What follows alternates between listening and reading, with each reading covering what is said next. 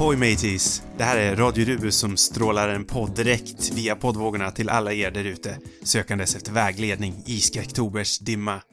Det här det är podden där vi varje vecka pratar med en ny film från obestämd genre och era. Det blir högt och lågt, brett och smalt, mycket historia, kuriosa och till sist så ställer vi oss själva frågan, måste man verkligen se den här filmen innan man dör? Veckans film, det är John, Johnny Boy Carpenters film The Fog, eller Dimman, från den 30 juni 1980. Normalt sett så brukar jag redan ha sagt att jag heter Oscar. Mm. Och att jag med mig har Sam, förhoppningsvis. Men det gjorde jag inte den här gången för att jag eh, gjorde ett nytt tema-intro, lite relaterat till dimman som sagt. Det är mitt i skräcktober och vi ska kolla på skräckfilm. Sam, det här är ditt val av film. Ja, vad handlar den här filmen om? Det undrar jag. Alla undrar vad filmen handlar om. 100 years ago, between midnight and one, something unknown came out of the fog. Now it has returned. Get inside and lock your doors. Close your windows. There's something in the fog. From the creator of Halloween, the ultimate experience in terror and suspense. John Carpenter's The Fog. What you can't see won't hurt you. It will kill you. Eh, The Fog, eller Dimman. Den heter Dimman på svenska, antar jag. Det var det du nyss sa. Jag tänker du är så förtjust i svenska titlar att du skulle ha kunnat uppfunnit en svensk titel bara för att ha en. Ja, den utspelar sig i en liten ort på den eh, amerikanska västkusten. Jag tror det är en hittepå-stad faktiskt, som jag just nu har jag glömt bort vad den... Antonio Bay. Eh, och i den här stan så får man följa ett antal härliga karaktärer när eh, en mystisk dimma närmar sig med en viss koppling till ett eh, till en händelse, en, ett, en båt som gick på grund för cirka hundra år sedan. Jag vet inte, behöver vi säga så mycket mer om det än det, om själva filmen i sig? Eh, nej, kanske inte. Det, Jag jag, har, vi kanske inte har jag en, en viss ton av att det inte var tillräckligt. Nej. Ja, men det är ett gäng Det kanske- härliga skådisar kan vi väl nämna. Jamie Lee det Curtis massa. dyker upp. Det är hennes andra Carpenter-roll. Ja, Första var väl i Halloween. Som kom typ två år tidigare. två år innan. Vi Tätt inpå. Tätt inpå. ja, vi har ju Janet Lee, hennes mor. Vet, det är pinsamt att jag visste inte om att det var Jamie Lee Curtis mor. Det är lite Va? pinsamt. Jag gjorde inte det faktiskt. Ja, det beror på hur man ser på det. De är inte så lik varandra. Nej, det är de inte. Faktiskt inte alls. Men jag tycker inte hon är så lik sin far heller. Fast kanske lite Vem mer lik. fan är hennes far? Curtis? Eh, det är Tony Curtis. Aha. Inte... Eh, kanske mest känd från I hetaste laget tillsammans med Jack, Jackie Boy, Lemon Mm. och Marilyn Monroe. Just det. Ja, men sen är det ju Hal... Hal... Hal, Hal, Hal... Holbrook? Holbrook? Älskade. Och eh, vi har Adrienne Barbeau, eller hur man uttalar hennes namn. Sen är det väl... Annars, jag vet inte om det är någon mer som man borde känna till. Vi kan nämna Charles Cyphers som också var med i Halloween bara två år innan. Ah, just det.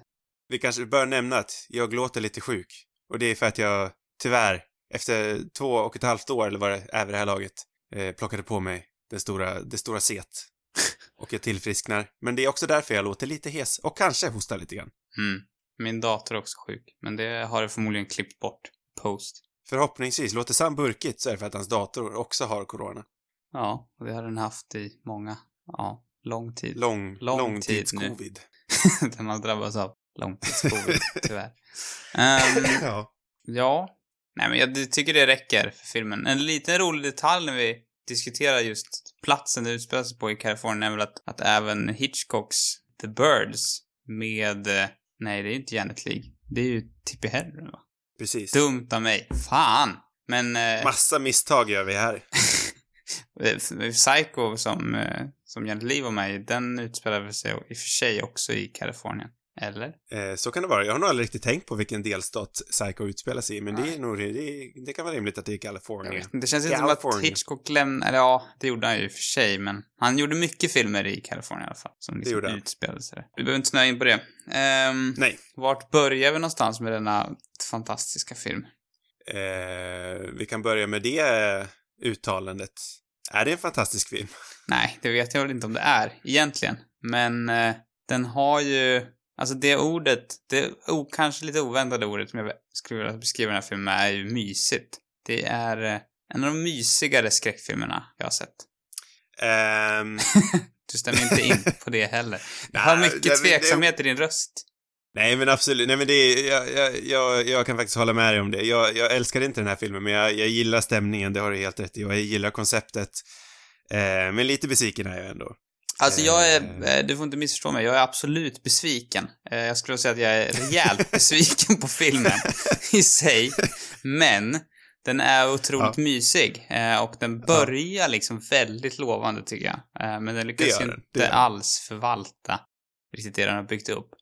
Om du vill att jag ska mer i detalj liksom förklara varför den är så mysig så, så går jag gärna in på det. My- Mycket gärna, jag går också mycket gärna in på varför den här filmen är mysig, för det kan jag faktiskt hålla med dig om att den är. Men du får gärna börja.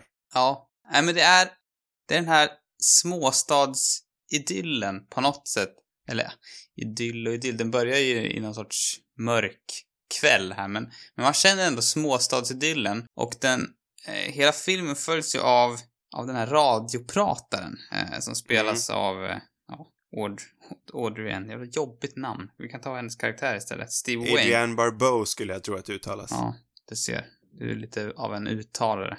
Jag Tack. jag höll mig till hennes, eh, rad, eller hennes karaktär istället, Stevie Wayne. Som Mm. eh, också eh, bygger på en riktig radiopratare som jag...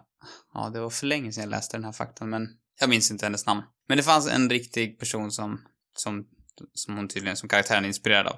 Inte, som förmodligen inte satt i en fyr eh, när hon spelade in. Men det är just att den här lilla staden som liksom ligger vid, eh, vid kusten, det här ganska karga kaliforniska landskapet.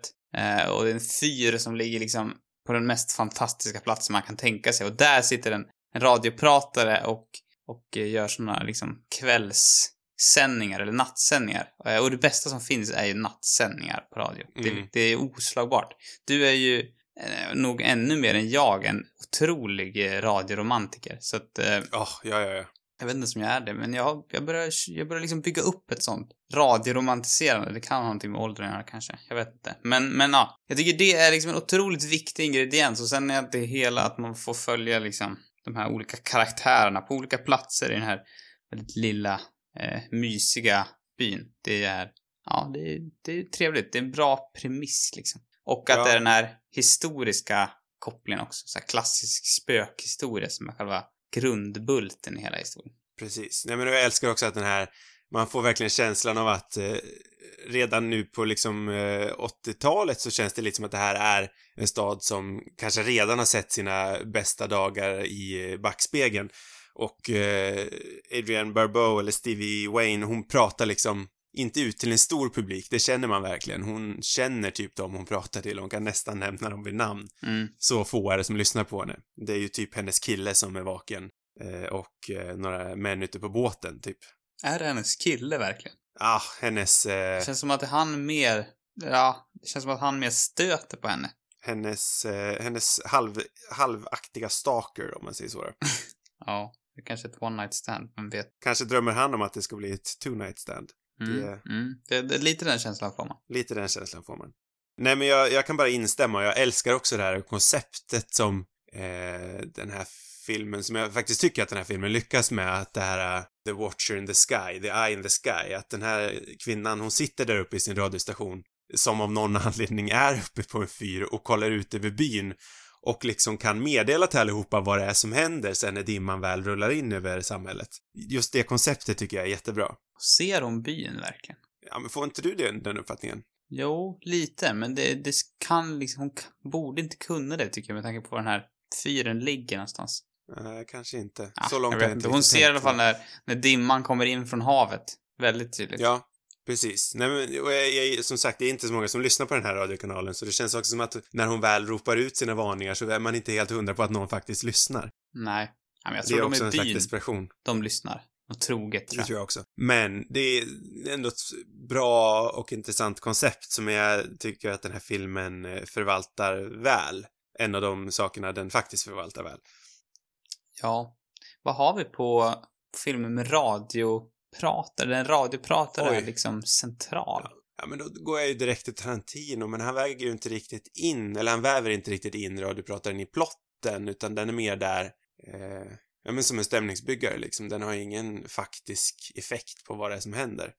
Nej, och det är väl inte... Är det någon gång i någon film som de följer med hela vägen? Nej, inte vad jag kan tänka på riktigt. Det känns som... Det finns ju definitivt andra exempel på det här, men jag tycker att det... Absolut.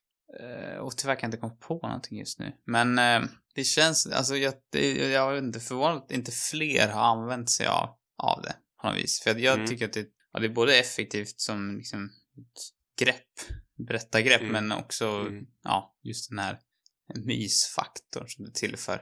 Nej men och just det här konceptet med eh, att det här är ett väderfenomen, eftersom det här är skräcktober eh, tema väderskräck, Mm. så är det också väldigt passande att, eh, eh, men att det här är en radiopratare som normalt sett också kanske ropar ut väderprognosen och att de ser det här väderfenomenet, det här onda väderfenomenet rulla in över byn. Mm. Sen vad det är som befinner sig i den här dimman, det kommer att bli lite av en besvikelse. Även fast jag rent initialt älskar tanken av att, kan vi säga vad det är i dimman? Det tycker jag ändå att vi Ja. får va? Ja, det... Att det liksom är eh, spökpirats-zombies i den här dimman. Initialt så tycker jag att det är jättekul, men själva liksom eh, glädjen i det avslöjandet försvinner ganska fort för mig. Mm. Kanske att det avslöjas lite för snabbt till och med. Kanske har, har det med det att göra. Ja, det kan vara.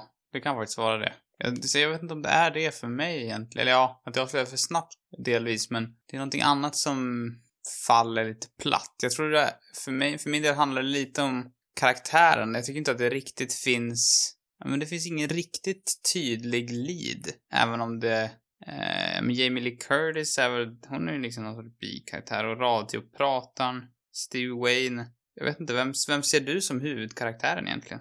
Ja, Det är det absolut största problemet med den här filmen. Ja. Eh, Det är på tok för många storylines, för det är som du säger, det är Jamie Lee Curtis, det är eh, Adrian Barbeau, det är eh, Janet Leigh har ju någon konstig liten storyline. Sen så kastar de ju totalt bort Hal Holbrook. Eh, de har den här eh, öppningsscenen där, där det är en slags eh, berättare framför en lägereld som de om jag förstår det rätt i, i snabb research här i början så, så är det bara där för att filmen var för kort. Jag tycker dock en väldigt bra stämningssättare. Det är en jättebra Man kan tänka sig att stämningssättare. Stevie Waynes eh, barn, den här lilla pojken, kanske sitter där Mm. och lyssnar. Jag vet Mm. inte om han gjorde det, Mm. men... eh, Nej men när det, när det väl liksom händer i ögonblicket så älskar jag konceptet med, med spökberättaren. Eh, John Carpenter har ju också ofta lekt med tanken att han vill göra antologigrejer av sina eh, filmserier. Eh, Halloween-serien ville han ju till exempel från början göra till en antologi. Han ville inte att varenda film skulle handla om Michael Myers. nej. Utan han ville att varje film skulle handla om ett nytt, eh, menar ett nytt Halloween-koncept. Det är ju därför Halloween 3 till exempel handlar om eh, nå- någonting helt annat. Mm. Eh, sen var det ingenting de följde upp på. Men förstår jag rätt så vill han även göra samma sak med Dimman, att han vill göra en slags, eh, men han vill göra en serie av det här också, att i, i varje ny story så skulle det vara någonting nytt inuti Dimman. Och då gillar jag tanken av att varje avsnitt eller varje film börjar med den här eh, lägereldsberättelsen. Jaha, just det. Eh, Så initialt gillar jag det ändå, men nu när den här filmen ändå är för sig och är ensam i i den här eh, franchisen som aldrig kommer att bli, Mm. då tycker jag kanske att det ändå är lite bortkastad tid med tanke på hur lite eh, running time vi spenderar med eh, de karaktärerna som faktiskt kanske behöver det. Jag vet inte, för min del, jag tycker det som är lite unikt med den här filmen också, som också tillför liksom till den här mysfaktorn är, är just att det är en sån ensemble eh, film. Liksom att det är många karaktärer och att man får följa olika personer runt om stan. Jag hade inte velat sett den med en mer tydlig kanske, man kan ju fortfarande ha en tydligare huvudkaraktär men inte att man skulle följa liksom bara en person. Utan jag tycker det det greppet är intressant och sticker ändå ut lite grann i, i skräckgenren. Ofta känns det spontant eh, som att de brukar liksom, flera karaktärer brukar befinna sig på samma plats under filmens gång. Verkligen. Konceptuellt så gillar jag den här filmen helt ut. Absolut när Eh. själva, vad man ska säga, det som de är rädd för är, är så pass ogreppbart. Det är inte som, som i Halloween där det är en mördare som rör sig, utan det här är något mer övernaturligt. Problemet kanske också är att det blir lite för greppbart för snabbt. Ja, ja men Det precis. som är dimman. Och jag tror också att de här karaktärerna som man valt ut skulle behöva, de skulle behöva jobba lite mer på dem. Hal som du nämnde som spelar en präst eh, som har en koppling till det förflutna Mm. är ju ganska så värdelös karaktär. Janet Ja. Lees karaktär är inte heller någon vidare. Det är, det är flera karaktärer som, som känns lite fattiga. Ja men verkligen. Och på något sätt känns det lite tråkigt att Jamie och Janet Lee är i samma film och att de inte har mer att göra ihop. Det kanske de själva var glada för. Ja, ju så är det. Eller inte. Är det säkert. Svårt att veta. Men med, jag tror inte riktigt att jag förstod hur tidigt i John Carpenters karriär den här filmen eh, var när jag såg den. Och i, då också i Jamie Lees eh, karriär såklart, eftersom hon också bröt ut med eh, Halloween. Mm. Eh, jag tänkte nog någonstans att det här var lite längre in i hennes karriär och att eh, därför kanske också hade varit roligare för henne att skådespela med sin mamma. När man i sin andra film, nu vet jag inte om det här är hennes andra film, men eh, i en av hennes första filmer blir ihopparad med sin mamma så tidigt, då kan jag förstå att det kanske är lite tråkigt. Ja. Nu vet jag inte om hon tyckte det, det är helt på från min sida, men Det är intressant som du säger att eh, just, för jag tänkte, alltså att det känns som en senare film om Carpenter, för jag tänkte också det egentligen från början. Jag tror det handlar ganska mycket om att han så tidigt har satt sin stil, för att den här mm, känns eh, som Carpenter fulländad. Just det han ser, ja, han har ju väl alltid gjort sin egen musik som är väldigt ikonisk i de flesta av hans filmer känns som och han har, ja men helheten liksom, eh, känslan. Det känns väldigt mycket som en Carpenter-film och det, att det är så pass etablerat så här tidigt i karriären, det är imponerande. Nej men och John Carpenter tycker jag är en fascinerande regissör för han har gjort liksom, han har gjort några av de bästa filmerna någonsin och han har också gjort några filmer som jag absolut inte gillar så mycket men oftast så har de ju ett väldigt intressant koncept om inget annat. Ja, de har ett intressant koncept och de har en, ja, han har en otrolig känsla för, för det visuella och eh, ja, för hela upplevelsen egentligen. Eh, Att han, han, Mm. han har sin trademark-stil och jag tycker att det alltid är, ja men det är alltid en mysig känsla. Det är konstigt att jag beskriver hans filmer med mys, men, men på något sätt är det det de blir. Jag tycker även att eh, The Thing, som jag har diskuterat tidigare, också är lite av en sån mysig Mm. film. Mm. Där är det istället den här, alltså, inte den här lilla orten, utan det är en, en avs, liksom plats. Ett eh, kammarspel. Nej men han, han eh, jag är liksom sugen på att se även hans eh, sämre 80-talsfilmer. Sen känns det som att han kanske har fallerat lite grann. Känns inte som att, för det är någonting också kombinationen av hans stil och 80-tal som gör sig så bra. Eh, Mm. Och han var ju en, alltså kritikerna var väl inte jätteförtjust i, ja inte i den här filmen och han hade väl en del problem senare också. Men publiken såg ju verkligen hans filmer och de, de, de måste ju ha varit otroligt lönsamma. Den här spelades ju med väldigt liten budget till exempel och det gjorde ju Halloween också som var en total succé. Så att, men jag vet inte om, om de var så lönsamma egentligen, för det vet jag att, eh, att The Thing till exempel är en sån här eh, film som eh, eh, inte blev vidare framgångsrik när den kom ut initialt och det är en sån här grej för alla, alla de som levde på den här tiden stör sig när det görs eh, 80-talsfilmer idag och kidsen, typ exempelvis Stranger Things, när de har eh, The Thing-posters i sina rum. För så var det inte. Man, man hade inte sett The Thing när man var eh, barn och bodde ute i vischan på 80-talet. Det, så, så var det inte. nej men jag tror att The Thing var eh, inte lika fram... Jag, jag tror, alltså Halloween var väl väldigt framgångsrik i alla fall. Det är väl en sak som är säker. absolut. Och jag Absolut. tror att även The Fog var rätt så framgångsrik. Eh, men att, och Escape from New York, den är osäker på om den var framgångsrik. Men fått för mig att det kanske dalade lite med The Thing där. Mm, nu pratar vi, det- han gjorde ju, han var också otroligt produktiv. Han gjorde ju liksom Otroligt. en film per år här. Jag menar ofta så jobbar den ju ganska billigt. Som om jag förstår det rätt så var ju Dimman, även fast Halloween var en väldigt stor hit, så var ju Dimman väldigt billig.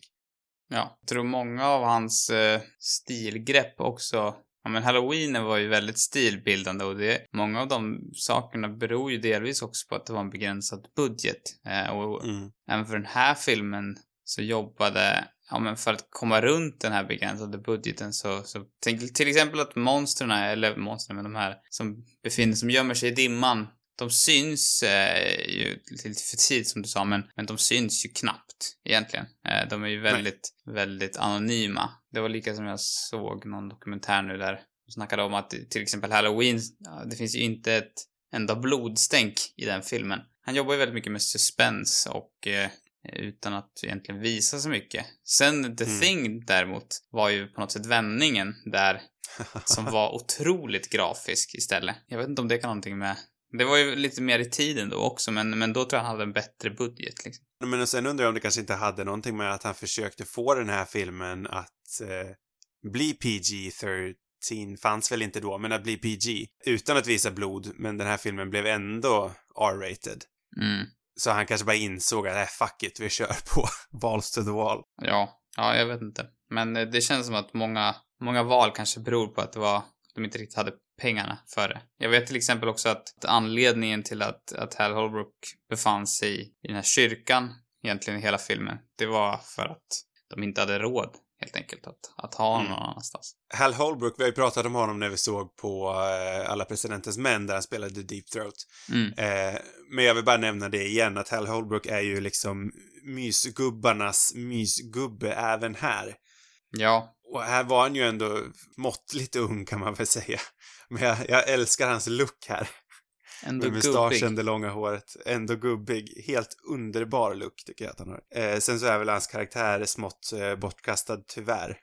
Ja, Men, men just det här med konceptet med prästen som, som brottas mot det övernaturliga, det djävulska, det är också ett koncept som är svårt att ogilla. ja, men det är så mycket ikoniska bilder i den här filmen. Alltså, och Ja, men verkligen. och stämningen och känns som att han, han gillar ju också klyschor. Även om vissa saker kanske har blivit mer klyschiga i efterhand så tycker jag ja, men just den här filmen känns som att den använder sig av väldigt många sådana spökhistorieklyschor och skräckfilmsklyschor Verkligen. på ett sätt som jag, som jag gillar. Liksom, som, som är en del av, av hela hans varumärke, måste man säga. Och den där klyschan sätter han ju som vi nämnde lite innan också redan från första början när de sitter där vid, vid lägerelden. Eh, där sätter han ju det här, den här stämningen av att det här är en skräckberättelse. Ja, Och sen förhöjs ju det bara av, av synen på de här eh, spök-zombie-piraterna. De ser ju lite ut som Scooby-Doo-monster.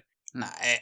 Well, jag vet inte Jo, hur det jag ser på- ett Scooby-Doo-monster ut förresten. På det härligaste viset tycker jag att de ser ut som Scooby-Doo-monster. Så här ser de ut. Rangliga, Så här. spöklika. Vad, vad refererar du till nu när du säger så här? Som de här spökzombie-monstren ser ut. Ja. Spökzombie-piraterna. Jag måste googla Scooby-Doo monster. Ah. Jaha. Ja. Eller? Just det. Aha! Mm. Ah, Ah. just det. Aha! Nej, jag- just, jag vet inte varför jag säger just det. Jag har aldrig sett Scooby-Doo. Så jag har ingen, inget förhållande till det. Men, ehm, ja, kanske det. Jag, jag började tänka lite så Pirates of the Caribbean. Vet du det? Mm. Men de har ju också lite den looken. Ja, men det ser bättre ut i den här filmen tänkte jag på. De här är inte animerade. Ja, nej, men det har en poäng i. Men det, det, det, jag fick lite känsla av den här scenen, eh, det finns en scen ganska tidigt när det är ett gäng män som är ute på en fiskebåt. Eller Mm. jag tror det är en fiskebåt. De sitter och super i kajutan, typ. Mm. Och sen så kommer den här dimman, kylig som djävulen är den. Eh, och de går ut och letar. Och eh, när de blir attackerade då, i, i den scenen, det, det, den känns som att de har inspirerat lite av det till, Mm. till Pirates. Det tycker jag är roligt ändå. Det är mycket härligt supande i den här filmen, tycker jag. Sånt där trevligt supande. Det här är liksom en film där man, man eh, när, när, när, eh, nu har jag redan glömt hans namn, men han som plockar upp Janet Lee, eller eh, Jamie Lee Curtis i, eh, när hon hitchhikar där i början, Mm, och han bjuder henne på en sup. Just det. Det är liksom, han, han sitter och dricker bärs medan han kör bil, och så är det bara i den här lilla landsbygdsorten på Ja. amerikanska västkusten. Ingen snubbe man vill bli upplockad av liksom. Det känns som att det är mycket varningsklockor som ringer. Verkligen. Möjligtvis att han ironiserar så mycket kring de här varningsklockorna. Att det, det är det som är liksom... Det är väl det också som är konstigt för att det nästa scen, då har de helt plötsligt, du vet det, ligger de liksom i hans säng typ. Mm. Och det kommer, ja, jag vet inte.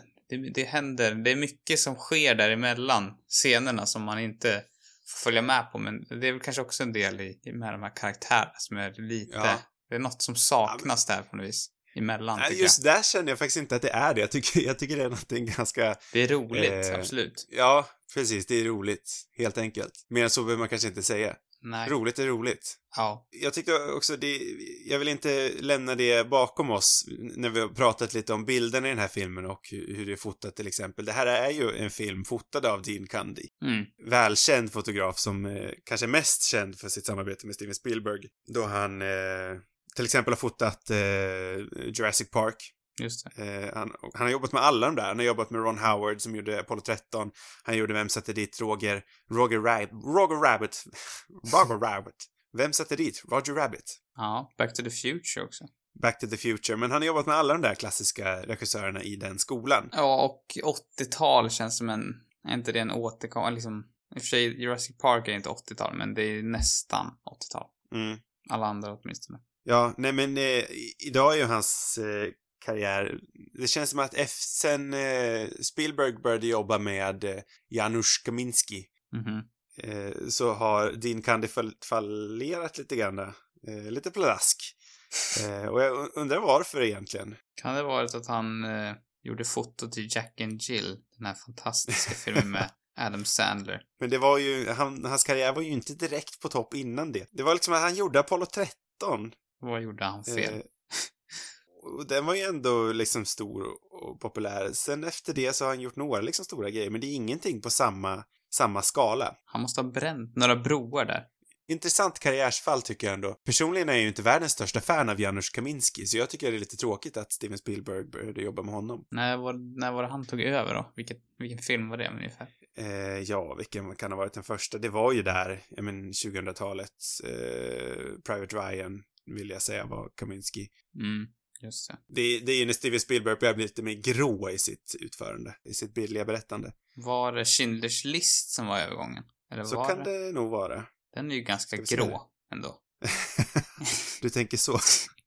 Om, Ja, det var faktiskt Kaminski som gjorde den, så det, Ja, det kan nog vara där det började. Han gick in riktigt grått. gick in hårt på det gråa. Han gjorde, han gjorde en svartvit film och sen vart allting grått även när det var färg. Aj, aj, aj. Ja, nej men... Nej, men jag, jag ty med. jag tycker Kaminski har en tråkig look. Eh, nu vart det Spielberg-snackis här, men det, det, det, där ska vi inte fastna. Nej, men det, hör, det är ändå okej tycker jag med en sån här härlig 80-talsfilm. Ja, Jag vet inte, Jag känner det. nästa Eh. gång vi följer upp med Carpenter, då kommer det ju... Då står det ju... Jag ska försöka göra det som en årlig grej. Årets Mm. Carpenter, kanske. ah, trevligt. Vi får se om jag kommer hålla det här, men... men n- nu står det ju mellan, vet du det, Christine, den här filmen om Mm. en galen Mm. bil, Mm. eh, som eh, på pappret låter helt galet som film. Det är därför jag är Mm. så nyfiken också. Har du sett den? Eh, nej, det har jag inte gjort. Spännande. Då, den borde nästan bli nästa rulle, kan jag tycka. Visst är Christine, är det en Stephen King? Exakt, det är en Stephen King också. Ja, för Stephen King kommer vi faktiskt in på för första gången. Eh, En liten hint-hint kommer vi komma in på nästa vecka. Uff. Är det första gången alltså? Jag tror det, va? Mm. Har vi aldrig snackat om eh, The Shining? Nej, kanske vi borde göra någon gång. det borde vi också göra något år. Christine följer faktiskt upp The Thing. Och sen efter Christine har vi också hans eh, romantiska sci-fi-drama Starman som jag inte heller har sett. Nej! Den har du sett? Jag har den på Blu-ray och jag började kolla på den, alltså det är en herrans massa år sedan så det, jag kan ha fel i min åsikt. Och den kan ha ändrats. Eh, men jag, jag gillade inte Starman. Nej, jag tror inte den är... Jag har svårt att tänka på att den är jättebra, men han var liksom för att på något sätt få tillbaka jag tror det var hans producent som tvingade, eller tvingade, men inspirerade honom till att göra den filmen för att han var så otroligt eh, krossad av kritikerna efter The Thing och Christine Mm. verkar inte ha räddat hans rykte heller. Nej. Jag vet inte om Starman hjälpte så mycket, för det känns inte riktigt som att han har återhämtat sig. Sen vet inte jag hur pass kritiker han har varit någonsin av sin karriär. Han är väl mer, ja, framför just nu i dagens, med dagens ögon är han ju väldigt mycket en expert på kultfilmer känns som. Han har ju producerat Mm. massor av kultfilmer. Och nu så känns det också som att han ofta eh, sätter sitt namn på det som gjorde han populär. Han eh, gör ju musiken och proddar eh, de nya Halloween-filmerna till exempel. När de gjorde en remake på Dimman år 2006, om minnet vill mig väl, så producerade ju han och eh, Deborah Hill den också. Det var väl också den sista filmen som Deborah Hill producerade, Mm. eh, tror jag. Eh, jag vet inte om Deborah Hill var eh, nämnd producent som du alldeles nyss pratade om. I filmen, den här filmen. Eh, nej, du nämnde att hans producent ville att han skulle göra Starman. Sa jag producent? Jag, jag menade nog, eller vad sa jag? Var det? Det känns mer som en agent sa det. Eh, Aha. ja, jag, Jag sa tror att du sa producent. Ja, jag vet inte. Jag vet inte vem det var. Men det, ja, spontant känns det kanske mer som en agent, skulle jag säga något sånt. Eventuellt. Men det för oss ju också osökt in på Deborah Hill. Ja, eh, manusförfattaren av den här filmen. Ja, och producent på det, eh, mycket av eh, Carpenters eh, arbeten.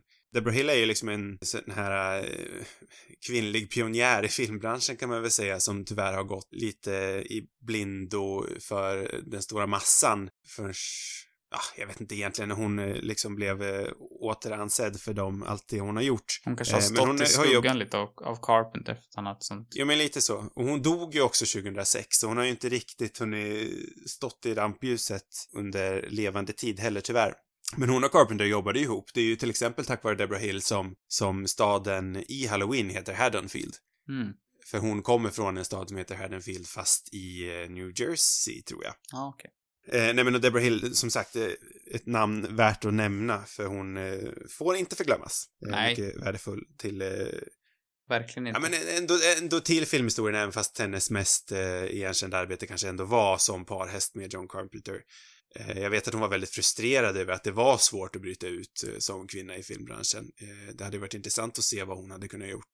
Som regissör också. Ja, men som regissör och kanske utanför eh, sitt arbete med Carpenter. Även fast hon såklart gjorde lite utan Carpenter också. Ja, men de som kanske är mest ihågkomna. Jag vet inte hur, vem som liksom, om de var, vem som skrev mest på den här filmen. De, de delar väl på den. Ja, jag har ändå en känsla av att det kanske är mest Carpenter, men det är, då kanske jag också underminerar Hill. Jag vet inte. De hade i alla fall varit i, när de fick inspiration till den här filmen så var de vid Stonehenge i, i England. Och där Ah. dök det upp en dimma. Och då hade hon, Deborah, tror jag, frågat så här, vad tror du döljer sig bakom den där dimman? Någonting. Och det var där Ohoho. idén kom till. I alla fall i den här perfekta Hollywood-storyn som de drar i alla, alla sina intervjuer hela tiden. När tror du man sätter en sån historia liksom? Det, det blir ju tröttsamt när man ser vissa intervjuer. Jag gillar ändå den, Ja. den här, eller ja, jag vet, jag gillar den här historien. För man har ju hört bättre det är någonting med Stonehenge som känns fel ändå, tycker jag, i kombination med det här, för det är mer än till dimma där då. Prästen kanske känns lite Stonehenge-kompatibel, men annars vet jag inte. Annars har man kanske bett, hört bättre sådana stories. Ja, det är, det är inte världens bästa behind the historia. Men nej, men det är, det är som du säger, det är väldigt roligt. Men det är ännu roligare när de olika parterna säger olika saker. Det är lite tråkigt när den är liksom ganska inövad från bådas håll. Jag kan ha fel nu, men det känns som att jag har hört, det känns som jag har hört den från båda. Inövad vet jag inte. Det inte man behöver inte öva in så mycket, den är ganska kort Nej. också. Den är inte så beskrivande. Det är så Stonehenge, dimma, typ. Sen är det klart. Men sen är ju dimman som koncept är ju väldigt givande och tacksamt ändå för en skräckberättelse. Eh, just det här liksom med det okända och det osedda och att det här är ett naturligt fenomen.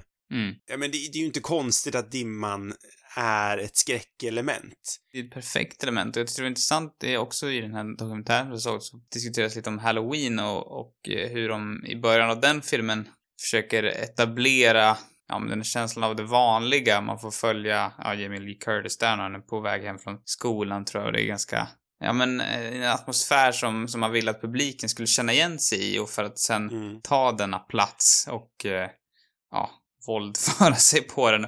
Och samma sak kan man väl se här också att, eh, ja men både att en sån dimmig kväll har säkert de flesta upplevt och om man också känner igen sig i den här lilla staden eller ja men det är ju ändå på något sätt en, en, verklig plats även om det sen Mm. dyker upp övernaturliga varelser där så finns det mycket mycket i grunden där som, som är bekant. Så det Mm. tror jag gör att det blir effektivt, även om jag, jag personligen tycker att det inte riktigt lyckas förvalta det hela vägen. Nej, jag håller helt med dig. Just det här som du säger, det här som man så tydligt kan se liksom framför sig bara en, en timme, två timmar innan, det är nu liksom helt dunkelt. Nu ser man ingenting där och vad som helst kan vara där bakom. Vem vet, det där som var där för två timmar, det är kanske inte ens kvar.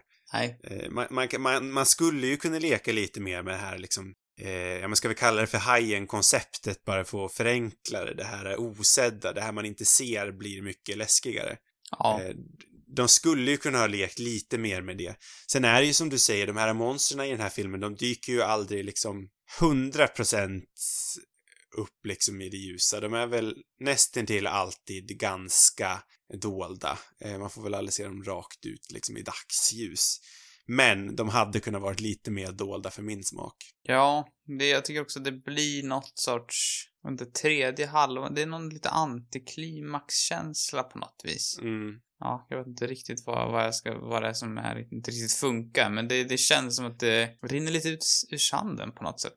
Ja, men för mig är det väl lite det här, den här eh, lokalmyten som de försöker bygga upp som inte riktigt håller. Det här med eh, sex, de sex olika konspiratörerna som de nämner som liksom har sin grund i, eh, ja men som har sin grund i varför de här monstren ens dyker upp. Mm. Och det där är ju liksom väldigt klassiskt storybook-koncept också på något vis. Där satte du faktiskt fingret på någonting. Jag tror att, för, jag vet inte om vi ska gå in på för mycket på detaljer här, men eh, det börjar ju luskas i, lite mer i, i det historiska för att på något Mm. sätt lösa, eller liksom inte lösa, men för att, eh, för att de ska liksom komma undan de här. För att på något sätt komma undan så börjar de luska i det i historiska. Och den, den delen eh, tycker jag kommer lite sent och Mm. eh, vad ska man säga, de flesta karaktärerna är egentligen inte så intresserade av, av det förrän på slutet. Det hade nog varit bättre om det etablerades redan från första början att det var någon som hade på något sätt, som gjorde efterforskningar och började så här, lista ut saker efter filmens gång och inte att det Ja. liksom kom som en revelation bara i sista akten som det lite grann nu gör. Och grejen är det, det känns ju nästan som att de är någonting på spåren och försöker göra det här som du nämner, att det är någonting som eh, blir ett mysterium som eh, ravlas upp längs med filmens gång med Hal Holbrook eftersom han dyker ju ändå upp eh, tidigt i filmen och han, den här vä- väggdelen rasar ju samman tidigt i filmen och han hittar ju den här boken tidigt i filmen. Men sen försvinner ju Hal Holbrook Mm. på tok för länge. För att han var för dyr. Ja, lite så känns det nästan, fast jag inte tror att Hal, Hal, Hal Holbrook eh, var så dyr. Jo, men han var för Men dyr. eh, Det var det. Det Var var, så det? det var. Ja. på riktigt, var Ja. Hal Holbrook en sån big deal? Tydligen. Alltså, den här Jaha. budgeten var förmodligen väldigt liten. Eh, Mm. det, var, det är så jag har hört i alla fall, att, att det var därför de, att det är just därför han befinner sig på bara en plats egentligen i hela filmen. Eh, för, Mm. för att de inte hade råd med något annat. Nej, för jag, jag vet att de ville ha eh, Christopher Lee, va? Det har, jag, det har jag faktiskt inte hört någonting om. Eh, enligt IMDBs trivia, så det kan mycket väl vara falskt. Mm. Men enligt IMDB så ville de ha Christopher Lee i den här rollen. Okej. Eh, Men då var alltså även ersättaren för dyr. Är det det du säger? Ja, sen har jag också hört att eh, den här filmen eh, väldigt mycket liksom gjordes i klipprummet. Den formades väldigt mycket på så vis. Jag tror de filmade om en del grejer också. Om jag inte blandar ihop det med någon annan film nu. Nej, jag tror att det var för den här. Så att eh, det kan ju också kanske bidra till att, att storyn inte riktigt känns så tight som man hade hoppats. Eller den här genomgående. Det kanske är lite av ett lapptäcke. Mm. Det känns verkligen inte orimligt om det är så. Det är bara så Eh. synd tycker jag, för, det, för att som sagt premissen är otrolig. Jag tror med en, en mer sån tydlig mysterieplott som hade gått rakt genom hela filmen och någon som mer aktivt hade, hade undersökt det, hade varit mer intressant. För man tar Jamie Lee Curtis karaktär och den här mannen de träffar, så alltså de gör ju inte så mycket egentligen till en början, utan de råkar mest ut för att det dyker upp. Deras glasruta spricker och ja, Mm. händer lite saker. Men de är Mm. inte vidare aktiva förrän mot slutet egentligen. Ja, nu har jag ju inte sett remaken, men det gör mig också lite frustrerad att remaken ska vara ännu sämre. Den ska ju vara sagolikt dålig tydligen. För den här filmen tror jag skulle kunna vara riktigt bra i, i ett remake-format. Ja, det här är faktiskt en, ja, jag tror också det. Det är en otrolig möjlighet att göra en riktigt bra remake. Men sen sitter ju väldigt mycket i känslan också och det har jag svårt att tänka mig att att eh, remaken har lyckats med. Jag tror i dagens, nu börjar man för sig bli ganska trött på de här nostalgiska filmerna. Du nämnde ju Stranger Mm. Things tidigare till exempel. Men Mm. jag tror att om det någon gång den skulle kunna göras om man verkligen vill ha den här 80-talskänslan och om det, ja, det skulle ändå kunna utföras bra tänker jag. Då är det ändå rätt tid nu. För det känns inte som att man Då brydde så mycket om när, när remaken kom. Typ, vilket år var det? Nej men precis, 20 2006. Ja. Eh, och det var ju liksom mitt i den här, det var ju en drös eh, sk- olika skräck-remakes som kom då. Det var ju The Omen, eh, Halloween kom väl också runt omkring den tiden och allihopa var ju lite så här man ville, man ville göra lite så här CW-crowd av det. Det var så sexiga tonåringar som inte riktigt kunde skådespela. De kom från, jag menar det är ju Smallville-skådespelaren om jag minns rätt som är med i Dimman-remaken. Det är ju inga kvalitetsskådespelare de satte på de här filmerna direkt. Nej, det är synd.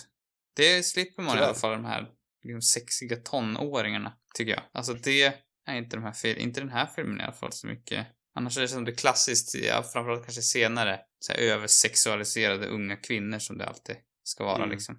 Det vet jag inte om jag tycker att, det är väl inte Halloween heller riktigt. Nej, det är... Alltså det är ju en ung kvinna i huvudrollen, men det är inte, det är inte det, det är inte den där liksom kåte gamle mannens porträtt. Inte som jag minns det i alla fall, jag kanske kommer ihåg fel. Nej men verkligen inte, det tycker inte jag heller. Alltså visst, Halloween har ju sina, eh, har ju några så explo- exploitation-drag när Michael Myers dödar sin barnvakt till exempel i början. Ja. Eh, så Ja, är hon ju ändå naken. Ja, Men, är, det är men det är det är ett av få, det är ett av få sådana drag. Eh, där handlar det väl snarare liksom om att få in den här eh, ungen i någonting vuxet och eh, quote unquote barnförbjudet snarare än att det är exploitation. För det är ju som sagt också det enda draget av det vid den filmen. Ja, men själva Eh, huvudkaraktären brukar ju ganska ofta också vara eh, liksom utsatt för, för den exploateringsbiten. Ja, men där- Och det tycker jag inte att han gör varken i den här eller i den, som jag minns det. i. Nej, men inte alls. För där faller ju till exempel även Ridley Scott eh, offer för i Alien. Faller offer för så jävla roligt uttryckt i sammanhanget. Han faller offer för översexualitet. Ja. Stackarn. O oavsett, Sigourney Weaver i slutet av Alien blir ju lite sexualiserad när Ja, hon tror att eh, alienen väl är död, sen dyker hon upp igen. är absolut. Den kanske man väl kan hävda att det är någon sorts för att, att det, ja, ska kännas som hon är mer utsatt eller någonting. Det vet jag. Men, Jo, men absolut, alltså det har ju sin poäng. men Jag så säger inte fast det kan ju alla de här hävda i de här skräckfilmerna också. I och för sig, så att, Ja, jag, jag tycker bara att det känns fräscht i den här filmen, att, det, att man slipper det Verkligen. på något sätt. Och exakt så. det gör man nog inte i Dimman från 2006. Det har jag också väldigt svårt att tro. Nu har vi snackat ganska länge och jag ville ju dra på ett ganska långdragen eh, teori här, men vi, den skulle vi även kunna spara till nästa vecka. Oh, är det en koppling till nästa veckas film? Eh, ja, Ja. eh, eller har vi någonting mer vi vill säga om den här filmen? Nej, jag tror inte att jag har någonting. Nej men summa summarum, jag tror att jag sparar min den här eh, långdragna teorin som egentligen kanske bara är hittepå och eh, långdraget som sagt av mig. Men jag, jag sparar på den. För nästa veckas film kommer handla om eh, ganska snarlik grej. Ja. Men summa summarum om den här filmen, eh, John Carpenters eh, Dimman, är väl att det är ett spännande koncept. Eh, det är bra skådespelare, det är bra effekter, det är snyggt fotat, men den håller inte riktigt som helhet i min bok i alla fall. Det blir för eh, spretigt. Mm. Nej, jag, jag håller helt och hållet med. Därför tycker inte jag att man bör se den här filmen innan man dör. Jag instämmer även där. Jag har svårt att tro att eh, denne Schneider tycker det heller. Det har du helt rätt i, Sam. Steven Schneider, han tycker inte heller att man ska se den här filmen innan man dör. Nästa vecka, som sagt, så ska vi gräva vidare lite i värdeskräckens eh, fantastiska värld. Men vi håller oss också lite i samma väder. Eh, Mm. Man hade kunnat gått en helt annan eh, väderlek. Men vi håller oss kvar i dimman, i det okända. Och vi ska också, som jag teasade lite innan, eh, äntligen prata om Stephen King. Eh, vi ska prata om eh, The Mist. Just det. Den eh, fantastiskt eh, underskattade, eller underskattad är den väl inte ens, men undersedda. Än idag tycker jag att den är undersedd och kanske lite underpratad.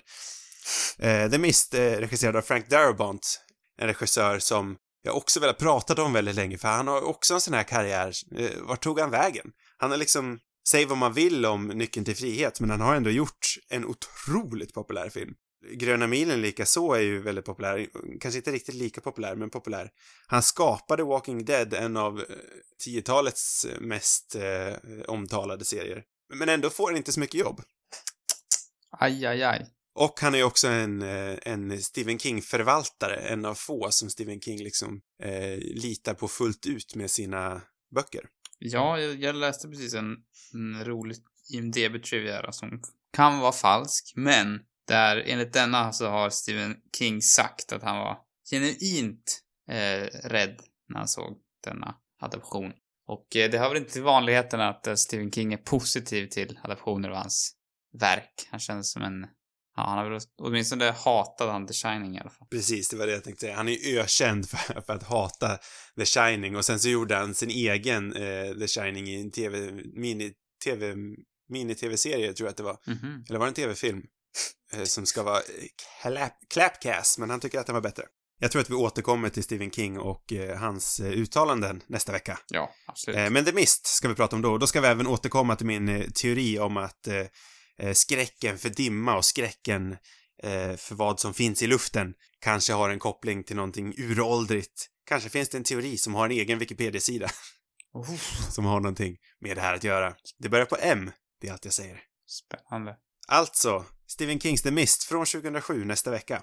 Eller Stephen Kings är det ju inte ens. Eller, Stephen Kings The Mist regisserad av Frank Darabont, så kan vi säga, nästa vecka. Eh, flera avsnitt, de hittar ni på cinemarubus.com eller valfri poddlyssningsmaskins appsak. Har ni frågor och vill ha svar, då skickar ni in dem till cinemarubus@gmail.com. Sociala medier, det har vi också. Där heter vi Cinemarubus på Instagram och Twitter. God natt allihopa Söta drömmar. i dimman. Mm.